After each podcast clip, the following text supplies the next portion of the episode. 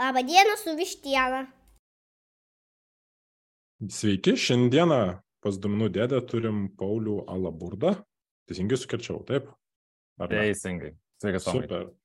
Su, sunku, žinai, su tom lietuviškom pavardėm, kai vieni kirčiuoja vienaip, kaip ir su vardais, ne, Asta ar Asta. Bet ne apie, ne apie vardus pasišnekėti atėjo mane, Pauliu, tai a, su Paulium irgi pasikalbėsim apie duomenų komandas, ne, kaip, kaip a, jos atrodo Ignitė, kur Paulius dirba, bet kaip visą laiką, visą laiką įdomu pažinti savo pašnekovus. Ir su Paulium iš tikrųjų, aš kaip pažiūrėjau jo profilį, tai man daug klausimų kilo iš tikrųjų.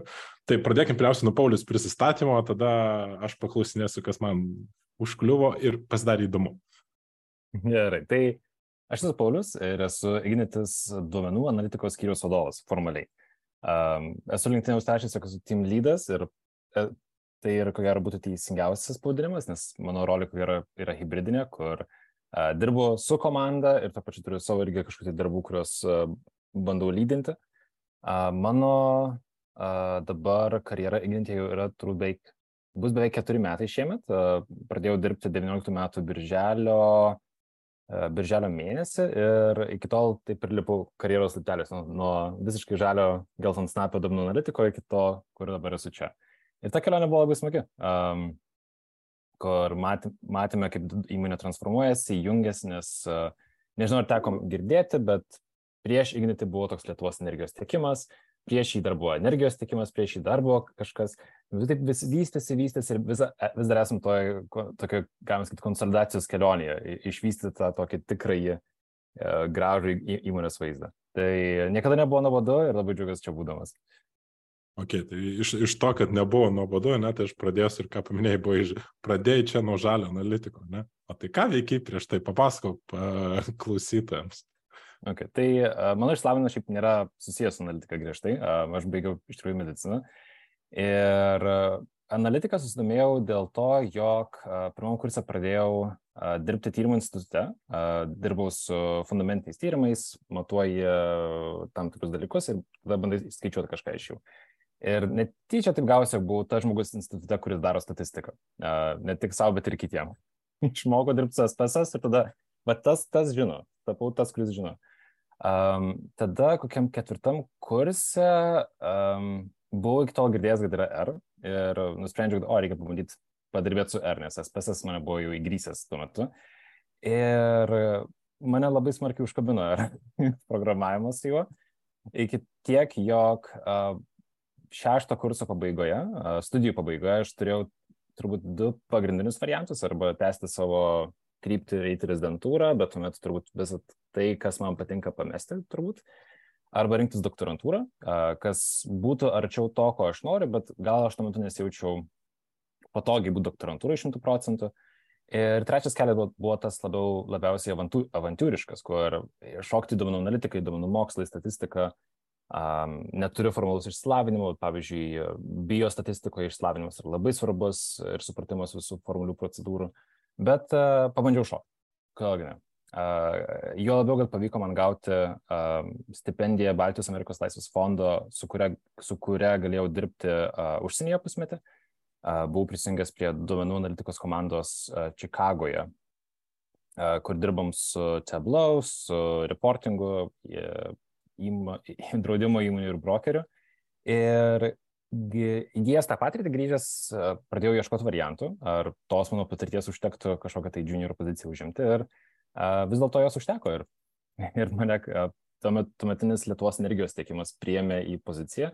Ir nuo tada nenustojau aukti ir tobulėti. Tai žiūrint retrospektyviai, džiaugiuosi, jog surizikavau ir iki šiol nesigiliu savo sprendimu. Ok, tai mano irgi tas buvo, būtų buvęs vienas iš klausimų, ne, kai tokia rizika šeši metai ir paskui visiškai šokti į kitą vietą. Tai gal kokį nors patarimų turėtum klausytams, kurie kažką panašaus planuoja arba galvoja? Oh, um, vienas dalykas, ką aš rekomenduočiau, tai yra išsirinkti kažkas, kas tau rūpi. Um, nes programavimas, statistika, duomenų mokslas vis tai yra įrankiai. Um, ir tol, tol, kol tu neturi kažkokios krypties, kuri tau yra pačiam svarbi, tol tai tik ir bus įrankiai. Man pačiam mano sritis tuo metu buvo statistika, biomedicina ir didžiąją dalimi aš išmokau programuoti dėl to, jog aš norėjau dirbti su biomedicinos duomenimis efektyviai. Dabar jau noriu dirbti su energetikos duomenimis efektyviai.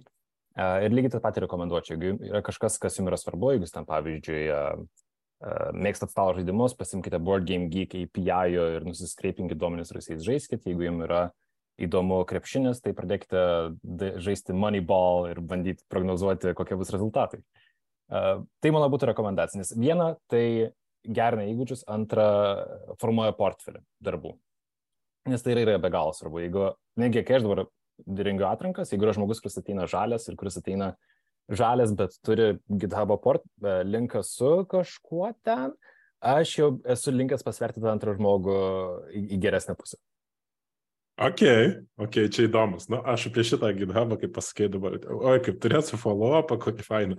Gerai, bet prieš tai, ne, prieš tai, a, a neturi daug, e, tas iš to, ką pasakoju, ne, tai matau, kad spėjau grinai ir pats esi pasibandęs ir Geeko API, ne, ir e, kažką tokio pažaisti, ne?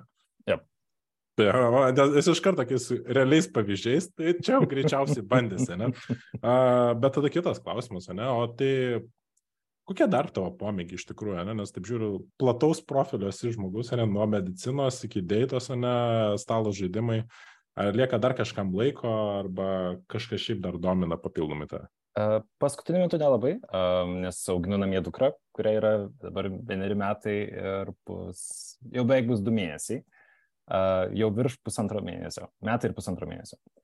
Tai laiko daug savo nelieka. tai Tai šiuo metu mano laikas yra padalintas tarp šeimos, darbo, šiek tiek knygų skaitimo, šiek tiek domėjimuose apie stalo žaidimus ir šiek tiek mėgstu gaminti, kada turiu laisvo laiko, bet tik tiek. Okay, tai, tai išsimiegė naktim? Jau, dabar taip, dabar taip. Ai, dabar taip, okay. Gerai, Tai, a, kad paminėjai iš karto apie GitHub, ne apie darbinimus, visus šitus dalykus, tai vienas iš šitų dalykų, kas man įdomu visą laiką, tai kai žmonės organizuojasi savo interviu a, procesus. Ne? Tai papasakok trumpai apie, kaip jūs dėliojatės interviu procesus, ne, kas pas jūs a, svarbu iš techninės pusės ir ką ieškote į skirtingas pozicijas. Ja.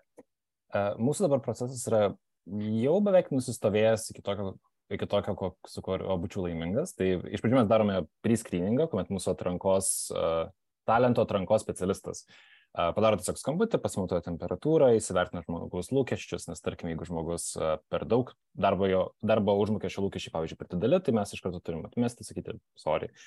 Arba jeigu, tarkim, matome, jeigu žmogus yra labiau turistas ir gal neturi labai aiškios motivacijos, irgi mes galbūt taip prefiltruojam. Uh, Ir po priskriningo mes tada turime pirmąjį interviu. Ir pirmasis interviu yra labai plataus mastas, tiesiog pasimatuoti žmogaus lūkesčius, ko jis nori, ko jis pats siekia.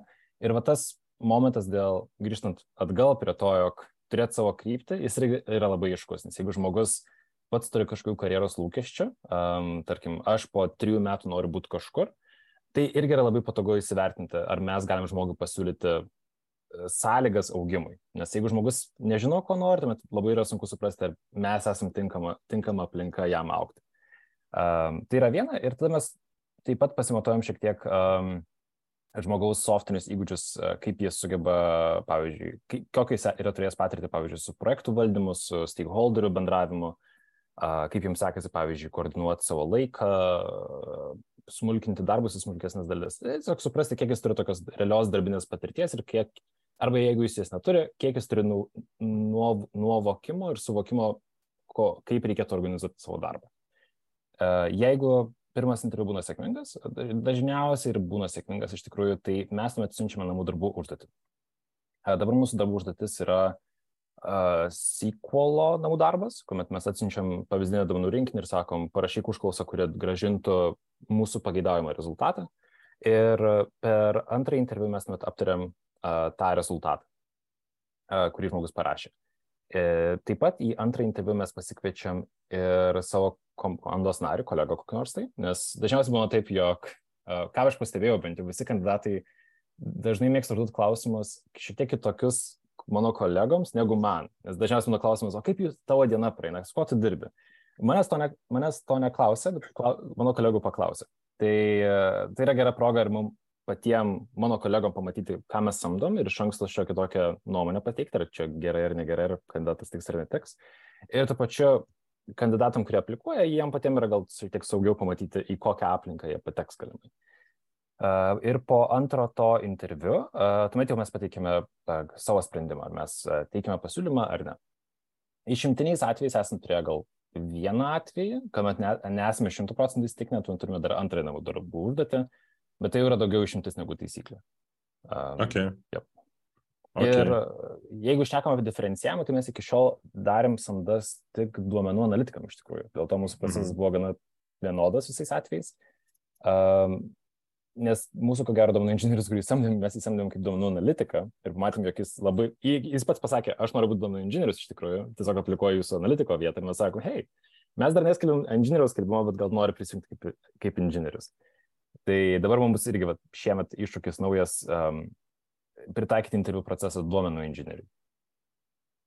Ok, nes aš gal aš norėjau paklausti, tai čia ar tik inžinieriams, ar tik analitikams, o tada apie SQL tą pačią užduotį, ne? O žiūrit tik rezultatą, ar žiūrit, kaip parašyta užklausa? A, kaip parašyta užklausa, šimtų tikrai taip. Na gerai. Yeah, yeah. Maža, ma, maža, ką žinai, kaip būna, um, kaip ten būna tose platformose, ne, jeigu atsakymas sutampa, ne, tai all checks have passed. Good, good to go uh, žinai, kaip padaryta. Bet, okei, okay, nu, super, super nice tas yra. Tada grįžtam prie tavo GitHub'o paminėto, ne? Tai uh, gerai, o jeigu atsidarai GitHub'ą, ne, jame nieko nėra. Bet uh, GitHub'o niek... page turi, bet GitHub'o page niek, turi. Nieko ir neklausi tada. Uh, nieko ir neklausi, that's fine. Turi, gerai. Um, būna įdomi, būna įdomi, įdomi, aš klausiu dažniausiai klausimų tik tada, kada žmogus turi GitHub linką, jį yra mhm. nurodęs savo sivekę ir turi kažką realaus, nes keli pavyzdžiai, kuriuos esu matęs, tai yra, tarkim, bootcampo kažkokie tai galtiniai projektai capstone, kur nelabai yra ko paklausti per daug, nes jie būna gana standartiški, ten pamatai uh, matplotlib daug grafikų ir sakai, okei, okay, čia yra grafikai. Uh, nelabai ką galima followupinti pasižiūrėjus tai. Um, bet tie, kas būna kažkas gudresnio susikūrę, arba, pavyzdžiui, atsiunčia tam, pavyzdžiui, Power BI's dashboard yra sukūrę. Tuomet būna įdomu jų paklausti klausimų, kaip jie kūrė. Nes tada tu jau iš anksto gali pasimatuoti, kokius iššūkius jie turėjo, kokius sunkum, su kokiais sunkumais susidūrė, pamatai, kaip jie gali komentuoti savo kodą. Ir tai irgi labai padeda greitai atsijoti, ar žmogus yra geras kandidatas ar ne. Mhm. Okay, okay. Ir dažniausiai, iš tikrųjų, netgi nors atrodo, kad skamba, o čia mes dar klausim papildomų klausimų atsis, atskirti, ar žmogus tinkamas ar ne, ir skamba, kam dėti portfelį, jeigu manęs klausinės daugiau. Bet dažniausiai atveju tai kaip tik yra pliusas. Um, nes tu turi realios patirties, esi atviras ją dalintis, jos neslėpi ir tai kaip tik susilygioja su mūsų vertybėmis, kuriomis ieškom. Tai yra, kad žmogus linkęs parodyti, su kuo dirba ir neslėpia savo darbo, net jeigu jis yra galbūt nepilnai ne kokybiškas. Ok, ok. Tai pradėkime ne, apie minkštasias savybės, tas vadinamas, ne? Į ką atsižvelgėt, kai ieško žmogaus? Taip, tai skambės labai kečiškai, bet aš mėgstu atsirimti mūsų įmonės vertybės. Um, mūsų įmonės vertybės yra uh, atsakomybė, partnerystė, atvirumas ir tobulėjimas. Ir ko gero visų šių savybių aš stengiuosi ir ieškoti pas kandidatus. Uh, mūsų analitikai duomenų, jie yra orientuoti į tokį, sakykime, full stack developmentą, kur, tarkim, analitikas yra atsakingas ir už duomenų šaltinio savininkystę, suprasti, kaip duomenys ateina, galbūt pasikoreguoti kėlinį kodą, kuris jau egzistuoja, pasirengti DBT views ant viršaus modulius, susikurti reikalingus ir tada susikurti kažkokį galutinį produktą, kuris reikalingas. Ir kadangi yra tas visas nuo A iki Z procesas, kuri, kuri, kurio savininkas yra duomenų analitikas, įskaitant ir darbą su, su galutiniu vartotoju, tai mes ieškome žmogus, kuris turi pakankamai išreikštą atsakomybės jausmą, jog jis galės pasiimti kažką ir savarankiškai tai vykdyti. Galbūt pirmos, pirmosiamis dienomis jis ne, nepasims kažkokio tai mega projekto ir negalės jo nuo A iki Z padaryti, bet ilgainiui turėtų tą, tą sugebėti padaryti. Uh, ir taip okay. pat ieškome žmogaus, kuris būtų partneriškas, nes um, empatija mūsų aplinkoje yra, ko gero, labai svarbi. Um, Nes kiek, ne, esu nekartą matęs, kuomet žmonės pasiema plaktuką ir mato, kad kiekvienas, kiekviena užduotis yra vidinis ir bando uh, spręsti savaip, bet ką aš esu pats matęs iš patirties, jog labai yra svarbu įsiklausyti į mūsų vidinius stakeholderius, užsakovus ir suprasti, ko jiems iš tikrųjų reikia, nes atrodo, jiems reikia dashboardo, bet jiems galbūt reikia vienkartinės analizės.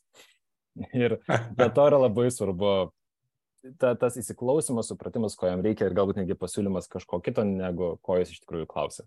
Nes dažniausias mūsų klausimas, kurį mes gaunam, uh, sukurk man dashboardą, sukurk man reportą. Ir mes iš karto įmam, o galvojam, okei, okay, mums reikia Power BI'us. Bet ne visada to reikia iš tikrųjų.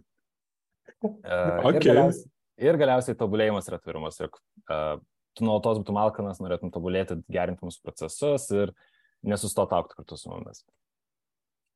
Ok. Um, čia apie tą plaktuką, ne? bet žiūrėk, varštams įtinka varštą, gali įkalti, jeigu labai smarkiai kalsi. O taip. jeigu labai, o, jeigu labai smarkiai kalsi, gali įkalti viską. Arba suploninti. Nu, bet anyway, uh, we digress here, bet gerai, važiuojant iš to, ne, tai vad minėjai, šiaip įrankių Power BI minėjai, ne, aš taip spėjau pas standartinis toksai. Kas dar pas jūs tekė figuruoja? Na, šiaip čia užbė, kaip čia, neužbėgsiu, priduosiu iš tikrųjų Juliu, tavo kolegą Važgėlą, kuris e, tave man ir pasiūlė pakalbinti iš tikrųjų, nes sako, nu, aš su tam galėsiu po pusės metų pašnekėti, kaip ten mums sekasi, kaip ką žinai, bet dabar sako, gali su Paulium pašnekėti. Tai, tai koks pas jūs tekas, ne, kaip pas jūs uh, atrodo jūsų ūkis? Yeah. Uh, Didžiąją dalimi mes esame Microsoft dirbtuvė, galima sakyti, nes uh, yra Power BI, yra SQL serveris, yra uh, darbų planavimui Microsoft Planneris. Anksčiau naudojom Jira ir mes perėjome prie paprastesnės versijos. Bet kai esame vadinamoji perkančio organizacija, tai norim kažkokių papildomų įrankių, tuomet mes susidurėm su viešaisiais pirkimais ir tuomet mes turime ilgą pirkimų procesą. Tai tam, kad to išvengtume, aš nusprendžiau, kad mūsų komanda turėtų labiau remtis į uh, open source įrankius. Tai uh, šalia viso to mes taip pat turime ir Airflow ir DBT. Uh, paskutinis, ko gero, gerus pusę metų ir daugiau. Paskutinius metus iš tikrųjų pradėjome ir tą ir tą naudoti. Tai ETL visam tai yra Airflow orkestravimui, nusikrovimui, uh, naudojam ir Python ir R to, to, to darimui, uh, duomenys saugom SQL serveryje, on top duomenų modeliavimui yra DBT. Ir tada met jau reportingas yra Power BI. Tik vietoje, okay. nors esame Microsoft shopas, bet mes vietoje GitHub naudojam GitLab. Čia intis gal. Nuokrypis. Ką? Wow. Ką Microsoftas iš šitą? Būtent vieš, pirkimai, pirkimai. Oh boy, ok, ok. O tada klausimas, jeigu jūs turite SQL serverį, ne, um, dabar aš gal pasirodysiu per senas, bet mano laikais, kai dirbu su MS SQL, ne, tai būdavo SSS. -as. Ar jis yep. jau miręs, ar dar yra? Ar tiesiog uh, norėjot būtent Airflow su DBT? Jis mūsų organizacijoje yra, bet ne mūsų komandoje. Mm, Sakykime okay. taip. Yep.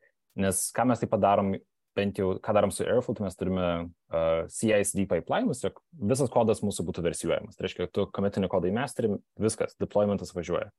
Uh, Su SSS paketais to nelabai galima padaryti. Tai... Negražiai bus. Jo, bus, bus ir kažkas ten. Ir, ir man patinka jo. greitas deploymentas. Aš jeigu turiu kodą, kurį žinau, kad veikia, aš noriu, kad jis ASAP jau būtų prodė ir man jis važiuotų.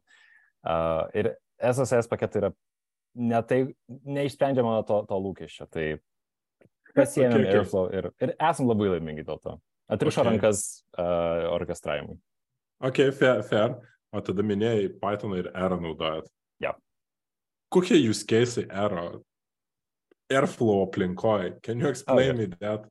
Okay. So, mūsų komanda šiaip yra mišri tuo, uh, dalis žmonių programuoja su Pythonu, dalis programuoja su R. Ir mhm. um, kai šnekam apie domenų šaltinius, mes turim kai kuriuos šaltinius, kurie yra, tarkim, uh, normalūs, jeigu taip galima pavadinti, kur yra masė lentų arba mažas kiekis lentų, bet jos yra labai didelės, ten pavyzdžiui, klientų suvartojimai yra masiškas kiekis duomenų.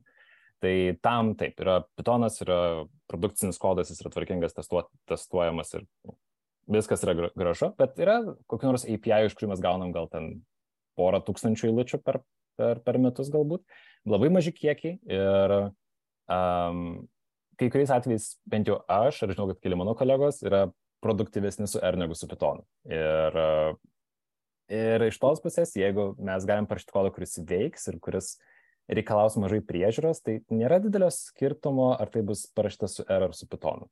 Uh, tai, yra, tai yra viena. Tol, kol tai veikia, tegu važiuoja. Um, jeigu, tarkim, šiandien apie kažkokius tai jau, jau heavy duty cases, kur tikrai reikia uh, didesnio duomenų kiekio, gražesnė, gražesnės, gražesnės sąveikos su duomenų bazėmis, tada taip Pythonas yra tinkamesnis.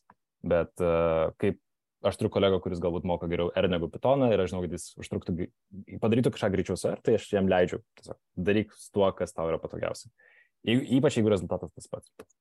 O okay. antra, antra yra visokie ad hoc dalykai ir analizės, um, kas jau liečia galbūt jau tą ne duomenų nusikrovimo, bet jau naudojimo duomenų. Tai pavyzdžiui, visa Tidyverse ekosistema, kuri yra viduje R, tai ji yra labai ekspresyvi atlikti duomenų analitiką. Ten, pavyzdžiui, nori kažką agreguoti, vizualizuoti, tai um, yra žymiai, žymiai, žymiai, žymiai patogiau negu su Python.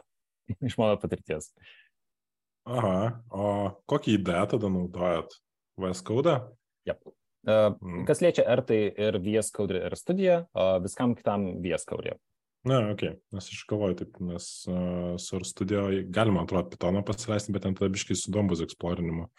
Uh, Ką naudo domus eksplorimui? Vies kauda su SQL toolsais ar uh, tą būtent extensioną MSQL? Jo, MSQL, e, pats atsakiau klausimą, nes jie specialiai dar padarė tą light versiją.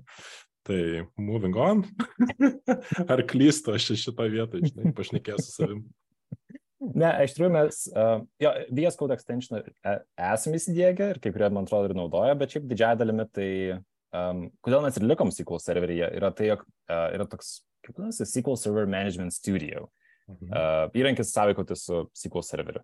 Tai jis yra pakankamai patogus ir mes vieną metu svarstėm, ar reikėtų migruoti iš SQL serverio, dėl to, kad jis u, senas ir, geriau yra galbūt Postgre, bet, um, bet buvom labai pripratę ir dėl to, iš dalies dėl to ir liko, jog, tarkim, prieigų valdymas, struktūrų valdymas yra šiek tiek patogesnis. Na jo, ten kaip pripranti ir šiaip viskas vienoje vietoje, ypač jeigu dar tos SSS jobus turi vienoje vietoje su SQL agentu, tai one stop shopas. Ok, ok, geras. A, gerai, tada kalbėkim bendrai, ne, kadangi ne jūsų viena komanda, aš su Juliaus, kai klausiu, kaip supratau, jis kitoje vietoje dirba, ne. Tai kaip, kaip pas jūs atrodo bendrai, žinai, tos igninčio domenų komandos, kiek jos tarpusėje sąveikauja, ne, kiek jos yra uh, nepriklausomos viena nuo kitos, ne? kaip visa ta jūsų ekosistema atrodo. Mhm. Ja. Uh, tai jeigu šnekam apie Ignitis konkrečiai, tai yra mūsų įmonė, kurioje aš esu, tai mes iš principo turim savo vieną duomenų analitikos komandą, kuri aptarnauja visą įmonę. Uh, mhm. Jau tuomet mes šalia dar turim tokias galbūt gretutinės komandas, kurios intensyviai dirba su duomenimis. Uh, ir kurias mes labiau suportinam, negu kuriam joms sprendimus. Ten, pavyzdžiui, mūsų komanda, kuri, pavyzdžiui, prognozuoja, kiek klientai suvartos ir atitinkamai daro pirkimus, tai mes juos daugiau suportinam, jie jau daro visą darbą su duomenimis susijusiu, susijusiu su tuo pas save, nes jie yra ekspertai ir ten reikia jau domeninių žinių. Ir antra tokia komanda yra, yra finansai, ko gero. Nes natūraliai apskaita, finansai irgi yra domeninės žinios. Visam kitom komandom mes jau tiesiogiai suportinam ir kuriame sprendimus, kuriuos jie jau tiesiog naudoja, o ne, nekuria kažką ant viršaus. Ir tai yra Ignitis. Mhm. Ignitis grupė jau turi daug visokių komandų, nes pavyzdžiui, labai panaši komanda į mūsų yra ir elektros skirstimo operatoriaus įmonė, tai yra ESO, kuri irgi yra duomenų analitikos skyrius, tas pats padalinio pavadinimas, ir jie atlieka labai panašią rolę, tik jie netgi yra dar, lab, netgi dar labiau platforminė komanda palyginus su mumis. Nes uh, mes gal turime 350 plus darbuotojų, ESO turi, dabar bijau sumeluoti, tai tiesiog pasakysiu, kad yra žymiai, žymiai didesnė ESO kaip įmonė. Ir dėl to ESO dar turi mini komandas viduje embedintas. Uh, tai pas mus yra vadinamas tas Center of Excellence, tipas, o ESO turi hub and spoke modelį, kur yra hubas ir dar mini komandos yra atskiriuose padaliniuose. Um, ir tuomet yra mūsų IT padalinys grupėje, uh, kuriame ir Julius dirba. Um, mhm. Ir ten yra komanda, kur yra dedikuota uh, duomenų inžinierijai ir duomenų saugyklai. Ir jų komanda suportina visą uh, įmonių grupę. Mes patys irgi buvom suportinami ir tada ilgainiui um, norėjom, jog inžinerinė kompetencija pas mus būtų komanda. Ir mes tokia tapom labiau uh, labiau autonomiški tuo atžvilgiu. Okay. Tam tikrais atvejais gaunam suportą iš, iš uh, duomenų inžinierių komandos, dalį darom, darom uh, in-house. Ok, nu čia, čia tos magybės. Aš, aš kitą ruošiausi kalbinti, tai ir galvoju, kad bus čia pas jūs įdomiai, nes daug viduje toj grupėje yra dalykų ir kaip ten kas išsidėlioja. Tikrai. Šiaip iš tikrųjų, nu, skamba kaip labai visai gerai sudėlioti dalykai. Uh, tavo minėtų steko atveju, tai čia yra man kažkas insane, žinant tai, kad būtent kaip minėjai, ne jūs esate tie, kurie daro pirkimus ir visą kitą. Ir tai spėjau užsiaugina dar gerai ir tos devopsinius raumenis, ne, susi, susimaintaininti visus dalykus, žiūrėti, kas lūšta, kas ne, ne, kokiu priežasčių. O, tai. o Tai man iš tos vietos klausimas, ne, tai ar pas jūs visi tokie full stackeriai yra, kurie gali nuo A iki Z pasižiūrėti? Nu, pavyzdžiui, nufailino, lūžo Airflow visas jūsų ten klasteris, ne? Kaip, kaip reaguojat? Dabar jau nebe. Dabar jau gal prieš porą metų būčiau sakęs, ko gero visi išskyrus vieną žmogų gali šitą atostogų ir ko gero vienas žmogus palaikytų frontą. Dabar jau yra tokių dalykų, kur tikrai ne visi žino, kaip suportinti ir jau šiokia tokia pasidalymą turim, kur dalis žmonių yra labiau orientuoti į BIOS pusę, reportingo pusę, kita dalis žmonių yra į tą full stackinį labiau range, uh, specializuoti. Uh, ir žiūrint tai, į, ko gero, vat, mūsų augimo perspektyva yra tokia, jog mes dabar esam nespecializuoti, bet ilgainiui mes ko gero specializuosimės į atskirus skyrius, kur dabar yra bendra komanda, bet turbūt ateityje mes turėsime savo inžinierių dedikuotą komandą ir savo analitikų dedikuotą komandą. Dabar to nėra ir turime labiau žmonės, kurie padengia platesnį mastą dalykų ir, ir technologijų ir yra žmonių, kurie padengia siauresnį. Ok, nu, make sense iš tikrųjų, kai įmonė auga, jos poreikiai irgi didėja, tada natūraliai reikia ieškoti sprendimų, kurie tenkintų. Ok, aš dar tokį sugrįšiu atgal, ką aš pamiršau iš tikrųjų, taip šnekėjom apie hairinimą, ne, ko žmogui tikėtis atėjus pirmom dienom, ne. Tai mhm. kaip atrodo visas tas jūsų onboardinimas, ne? nes dabar, pavyzdžiui, įrašo darimo metu yra skelbimas pas jūs, kad ieško duomenų inžinierius. Ne? Tai gerai, užduoti, kaip suprantu, jūs, jūs ruošiatės, ar jau pasiruošę esat, tai jeigu viską praeina, ko jam tikėtis atėjus, ne pirmom dienom, savaitėm, ne koks planas? Yep. Uh, tai atėjus laukia šiltas kolektyvas. Bet uh, iš tikrųjų, tai pirmosiomis dienomis uh, tikslas yra susipažinti su komanda, apšilti, suprasti, kas darosi, nes ignitis dažniausiai yra linksniuojamas uh, elektros, elektros ir dujų tiekimo kontekste, bet mes dar turime ir papildomų šakų. Um, turime savo savitarną kaip paslaugą, turime dar nesiniai paleistą Energy Smart programėlę, kur tu gali sekti savo suvartojimą, turime elektromobilių krovimo tinklą, kurį vystome.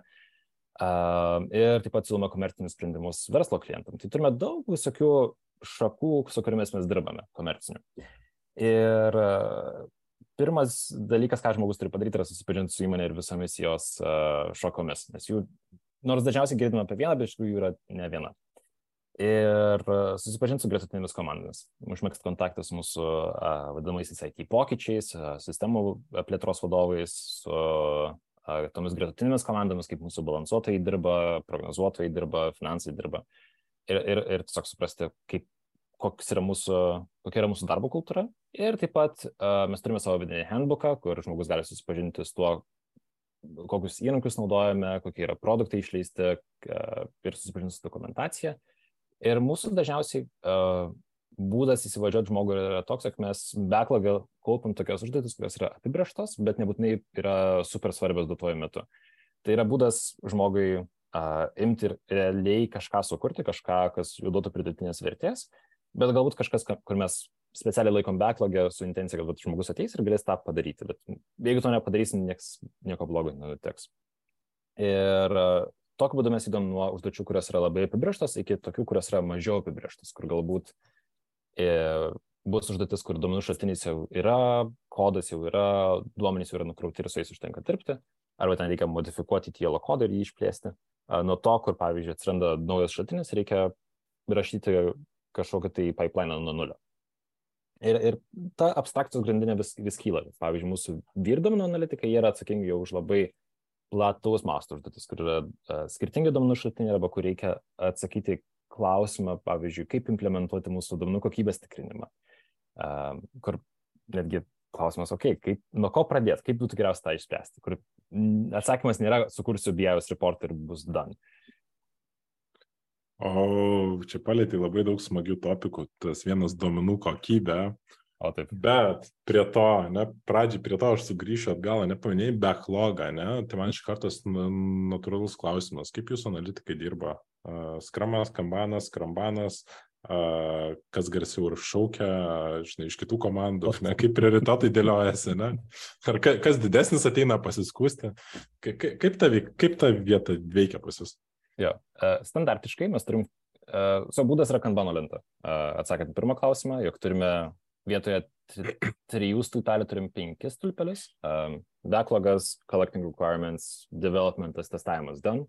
Uh, dar šalia ekstra, jeigu norim kažko dar, tarkim, vos ne on hold, bet nusimesti, kad nepasimestų, bet tiesiog turėti mintį. Um, ir tada turime uh, ketvirtinius planavimus. Uh, kas ketvirtus susirinkame poreikį, tuomet kas mėnesį jį susikalibruojam, nes būna taip, jog atsiranda kažkas uh, labiau aktualaus, kažkas, kur turi didesnį prioritetą, reikia skubiai pasidaryti. Ir pagal viską tai turėtų būti labai tvarkingas procesas, bet realybė tokia, kad tikrai ateina žmonių, kurie garsiai šaukia, sako, man reikia vakar. Um, ir tu tuomet tiesiog turi visą kitą pastatyti šoną ir imtis to, kur žmogus tikrai ateina ir sako, jam būtinai reikia ir kiti sako, jo, viskas gerai, tu daryk jo darbą, nes ten yra žymiai svarbiau.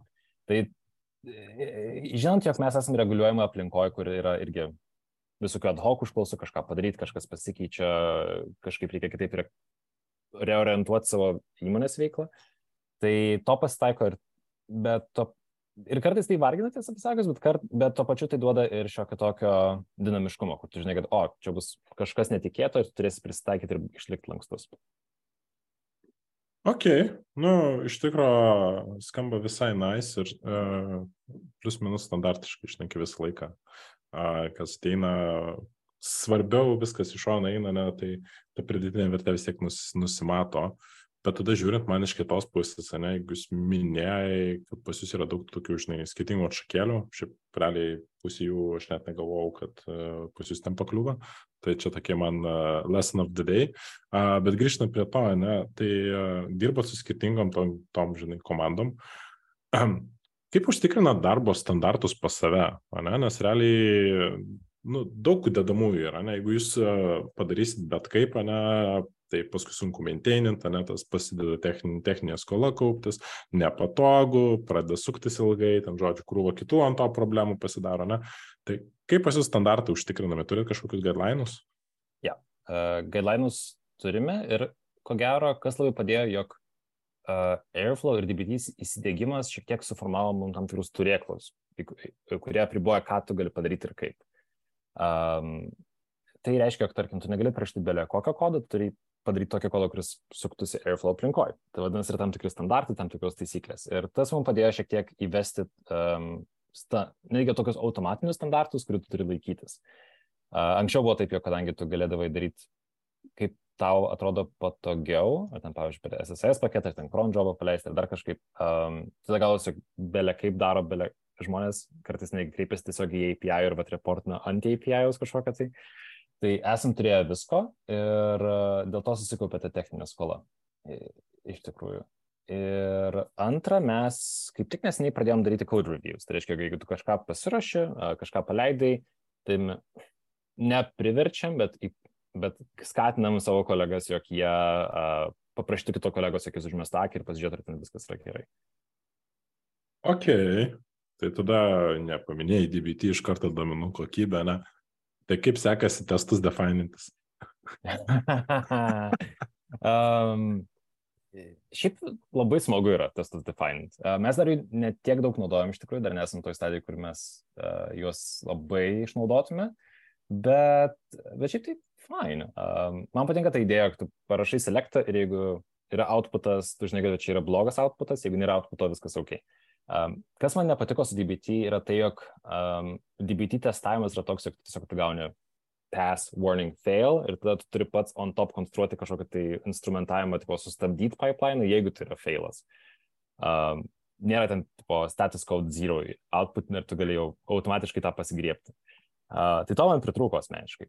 Uh, bet antroji dalis um, yra tai, um, labiau susijus ne tai, kad su DB testais, bet labiau kaip užtikrinti, jog tą domenų kokybę, kurią tu matuoji, tu gebėtum po to sugrįžinti atgal į pirminės sistemas. Pavyzdžiui, um, mūsų atveju, jeigu, tarkim, adminam pasakai, va šitie įrašai yra blogi, tai jie ne visada sureaguos. Um, ypač, jog Ypač jeigu adminas, pavyzdžiui, neturi prieigos prie prodo ir negali ten, pavyzdžiui, tiesiogiai įrašų koreguoti. Ten turim kai kurių sistemų, kur tiesiog jis, adminas neturi įrankių tokių. Jis negali tiesiogiai duombazės liestis, tai turi daryti per sąsąją. Tai tai mus priverčia pagal tada, kaip mes galime tai daryti, per, pavyzdžiui, per mūsų back office, per mūsų operacijų žmonės, kurie dirba su sistemomis ir gali, pavyzdžiui, atsidaryti kliento įrašą, kliento kortelę ir pakoreguoti neteisingą informaciją apie jį.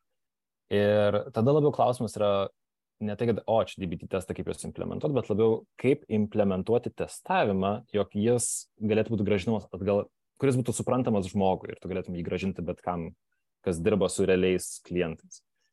Tai su to mes vis dar dirbom ir ko gero, šiemet turėsime antrą versiją savo duomenų kokybės testavimo frameworko. Ok. Ačiū. Užeinam į frameworkus į viską, man iš karto taip e, panižo daug dalykų ir klausimų kilo. Tai per beš operatorių yra netės? DBT. Uh, jo. Nebandėt kosmoso? Astronomio uh, to bibliotekos, kur tipo palengvina dalykus. Uh, mačiau. Uh, jo, aš, ma, žinau, ką turiu minį, bet dar neturėjom progos. Iki šiol beš operatorius buvo, buvo good enough. Ok. Yep. Ir follow-up klausimas. Kiekvieną apsirašot atskirai ir turit frameworką, kur automatas sugeneruoja? Uh, turime į turbūt YAML modelis, ar ne? Ar, nu, ir YAMLus ir bendrai Airflow dagą konstruojat uh, rankom prideda taskus ir automatų sugeneruojat. Jeigu net aš turiu žmo, turėsiu žmogų pasiūlyti ir ne vieną, su kuo pašnekėt, kad palengvintų jums, bent jau pasidalintų mintim iš yeah. tos vietos. Uh, ok, so, kalbant apie DBT, tai ja, mes turime, nežinau, makrosai turbūt būtų teisingiausias. Man atrodo, dabar galvoju, ar ten mus makros ar ne dabar bijau sumeluoti, bet, ja, turim skriptus, kurie, tarkim, sugeneruoja modelio apibrėžimą, kad, tarkim, uh -huh. descriptioną išspjauna ir tiesiog įsikopijuoja. Um, kas liečia Airflow, tai um, jeigu tai įmanoma, vos ne, copy-pastinti, uh, galima taip sakyti, kad, tarkim, ten turi 50 lentų ir tau jas visas reikia nukrauti labai panašių principų, tai mes uh, esam pasirašę tokį kodą, kuris iteruoja. Tai reiškia, tu sakai, va čia yra 50 lentelių, subrenčink ir suformuok grafą, kuri nukrautų kiekvieną lentelę. Um, dar kol kas kažko panašaus su DBT nedarėm. Tarkim, vat, paimk DBT testą, pavyzdžiui, jį išbrenčink kiekvienai lentai, to mes dar nedarėm, bet uh, galbūt ateityje darysim. Ok, nes čia mes, matai, viduje turėjom, mhm. žodžiu, prieš tai įmonė, kur dirbom, turėjom on-preminį solutioną, nu, tai realiai tą patį kaip su bash operatoriais. Yep. Tai ten uh, komandą turėjom žmonių, kurie subildino frameworką ir su tagais. Pagal tagus sukurdavo automatiškai dagą dinamiškai ir tada sujungdavo pagal referensus iš Parsons DBT manifestą. Tai taip užtenka DBT modelį paliekę, mm. išsisaugai su tagais ir jis nieko Airflow pusį nereikia keisti, automatiškai suvalgo, nes yra šitas. Tai labai lengva pasižiūrėti ir užtikrinti šitus dalykus. O dabar ką turim, tai va irgi kolega sudėjo ant DBT cloud šitus dalykus, tai mm. su APIs. Na, bet čia pasidalinsiu aš kolegos kontaktais outside of this podcast, kad yeah. čia netyčia, netyčia ne, ne, nenutiktų kas nors, žinai. Tai va, tai, tai iš tos pusės, uh, okei. Okay. Lemba šiaip smagiai girdėti, šiaip iš tikrųjų nemanau, kad kai kurios uh, kitos įmonės iš tikrųjų tokioj geroj būsenoje yra.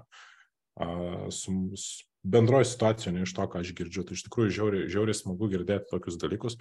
O tada aš pargrįšiu nuo techninių dalykų, tu žinai, tipo, kur aš galėčiau kalbėti ir lysti detalės valandų valandas, bet tas sugrįžkim prie žmonių ir jų karjeros kelių, ne? Tai pas jūs šiaip realiai, kadangi yra grupė, ne, tai spė, kaip atrodo, dabar taip sugrįšiu prieš grupę, paminintą ne visą kitą, ne, tai kaip atrodo žmonių karjeros keliai pas jūs, ne, nes mhm. pats tu irgi užkilai, užkilai tais laiptais būtent Ignitė, ne, tai čia kaip ir aišku, žinai, tas vertikalus augimas, kad possible, doable, ne, ir viskas yra uh, nice and easy, o kaip su horizontaliu, tarkim, į kitą rolę, ne, arba į kitą grupės įmonę išeiti, kaip tokia situacija pasitrodo? Oh, yeah. um, ko gero, palyginus su tuo, kur buvom prieš 2-3 metus, tai dabar situacija yra žymiai, žymiai geresnė. An anksčiau ir iki šiol ir būdavo taip, jeigu, pavyzdžiui, nori dirbti su duomenų analitika, bet, pavyzdžiui, nenori palikti įmonių grupės, tai tu gali nueiti į ESO į duomenų analitikos komandą, gali nueiti į mūsų IT padalinį grupės paslaugų centrą ir rasti tie įgūdžiai, kuriuos tu turi, darbas su BI, programavimas su Pythonu, jie irgi yra vertinami ir svarbus. Tai iš tos pusės visada gali migruoti įmonės grupių viduje. Um, ko gero, universaliausia yra, jeigu tu turi reportingo uh, įgūdžių su Power BI, tai labai gali laviruoti pro, po daug skirtingų komandų dėl uh, tokio būdu. Kas liečia galbūt rolių pasikeitimą mūsų įmonės viduje, tai yra, ko gero, trys, trys keliai horizontalūs. Tai viena yra iš analitiko inžinierių, um, antras būtų vadinamasis duomenų valdytojas. Mes dar nesame paskelbę atrankos, bet norime šiemet um, samdyti duomenų valdytojus, kurie yra orientuoti mažiau į analitiką, bet daugiau į užtikrinimą, jog duomenys judėtų teisingai, duomenų kokybė būtų gera, žmonės turėtų prieigą prie duomenų ir duomenys būtų naikinami ir prižiūrimi teisingai sistemose. Ir tuomet už mūsų skyrius ribų taip pat yra ir kitos komandos, kaip, kaip ir minėjau, pavyzdžiui, mūsų elektros energijos balansavimo komanda, kurie lygiai taip pat naudoja Pythoną, naudoja nemažai Excelio, programuoja. Ir tie įgūdžiai, kurie mūsų komandai naudojami, jie yra labai aktualūs ir kitose komandose. Gaunasi taip, taip, jog tu patenki tas komandas ir tu turi techninių žinių, bet tada turėtum įgyti domeninių žinių. Ir lygiai taip pat, va, tos komandos, kurios yra paraleliai, mes, labai, mes negalėtume priimti tos žmonės pas savo į komandą, tik jie turi domeninių žinių, bet dar reikėtų juos pakilstelėti techninė, iš techninės pusės. Tai horizontaliai labai daug yra kur vaikščioti. Ok, ok. Sounds very nice iš tikrųjų, ką aš girdžiu. Tai a, gerai, man atrodo, aš liktais visus savo dominančius klausimus lik ir paklausiau. Apart vieno ir paskuti, e, paskutinio, tai kokie dabar didžiausi iššūkiai pas jūs? Uh, ko, ko, ko, tikėt, ko tikėtis, žinai, žmonėms? Yeah. Tai dabar priklausomai nuo to, jeigu esi duomenų analitikas, tai ko gero dabar didžiausias iššūkis yra tai, jog mes esame labai daug sukūrę reportų, uh, esame daug, daug, daug prikūrę ir uh, dabar reikia šiek tiek kūruoti, ką esame sukūrę. Uh, yra tokių sprendinių, kurie buvo sukurti galbūt ne ant, uh, nebūtinai ant sveikų duomenų modelių, kurie būtų ilgalaikiai ir dėl to reikia tam pergalvoti sprendimą, kaip optimizuoti. Ten, pavyzdžiui, duomenų migravimas užtrunka pusvalandį, nors ten realiai 5, 5 minučių turėtų būti migravimas. Um, tai yra vienas iš, mūsų iššūkių. Ir antras analitinis iššūkis tai yra uh, rodiklių stebėsina. Um, nes lygiai taip pat, kai mes daug, daug dalykų prikūrėm, tai mes esam prikūrę ir daug, daug, daug dalykų apie tos, tos pačius dalykus. Ir pavyzdžiui, tam tikrą rodiklį, pavyzdžiui, kiek turime kažko, negaliu daug komentuoti. Ta pati dalyką mes raportuojam keliose vietose ir šiek tiek logika skiriasi. Pavyzdžiui, viena versija buvo vienur, tada sukūrėm antrą versiją. Logika šiek tiek keitėsi, bet pirmam nepakoregavom ir tada žmonės klausia, kodėl šitie skaičiai skiriasi. Ir tada sakom, bet logika buvo skirtinga. Um, jūs patys to prašėt. tai iššūkis dabar, ko gero, pagrindinis yra užtikrinti, jog žmonės matytų tą patį vaizdą ir nuseklų vaizdą, nes prisikūrėm, dabar jau reikia šiek tiek pagerinti kokybę. Iš inžinierinės pusės, tai tam tikrose vietose mūsų dabartinis tekas šiek tiek braška jau. Kas liečia, pavyzdžiui, mūsų nusikrovimus, tai kartais jau norisi didesnių resursų ir dėl to irgi jau šiemet reikės pradėti galvoti, kaip mes galim labiau skylinti savo infrastruktūrą. Tai iš inžinierinės pusės tai, tai yra ko gero iššūkis. O okay. iš duomenų valdysenos pusės tai noriu sakyti, jog mūsų duomenų kokybės užtikrinimo įrankiai šiuo metu nėra tokie, kokiu šiuo metu norėčiau. Tai, bus, tai nemažai yra to, tokio, nemažai techninės skolos yra užsilikusios, kur um, yra atverti vartai, kaip duomenys yra įvedami, sugeneruojami ir nėra tiek daug kontrolės, kiek aš norėčiau šiuo metu. Tai tas trečias iššūkis iš duomenų valdysenos pusės būtų tas. Ok, nu, tai kaip, kaip sakant, honesty, žinai, ko tikėtis, ką rasti ir, ir ko, ko tikėtis. O tada su, su, pabaigime su labai smagia gaida ir uh, esminiu klausimu, ne? Tai minėjai dar pats, ne, kad knygas paskaitai, ne? Tai kokią knygą rekomenduotum klausytojams? Taip, tai jeigu reikėtų rekomenduoti vieną, tai man galva apverti The Goal, uh, Elijah, Elijah uh, Goldratt knyga. Jeigu teko girdėti apie The Phoenix Project knygą, tai The Goal yra geriau. Ir tai yra knyga, kuri... The, The Phoenix Project buvo parašytas dėl to, kad kažkas perskaitė The Goal ir nusprendė, kad aš parašysiu tą patį tik apie IT. Bet The Goal yra geriau negu The Phoenix Project. Wow, mind Yeah. yeah. blow, nes man jau Phoenix Project buvo toks eye openeris ir dabar, uh, ok, ok. Nu, Ja, tai- man irgi žiauriai patiko. Ir tada kažkur perskaičiau komentarą, skaitykit The Goal. Ir tada perskaičiau The Goal ir buvau, oh, tai negi dar geriau.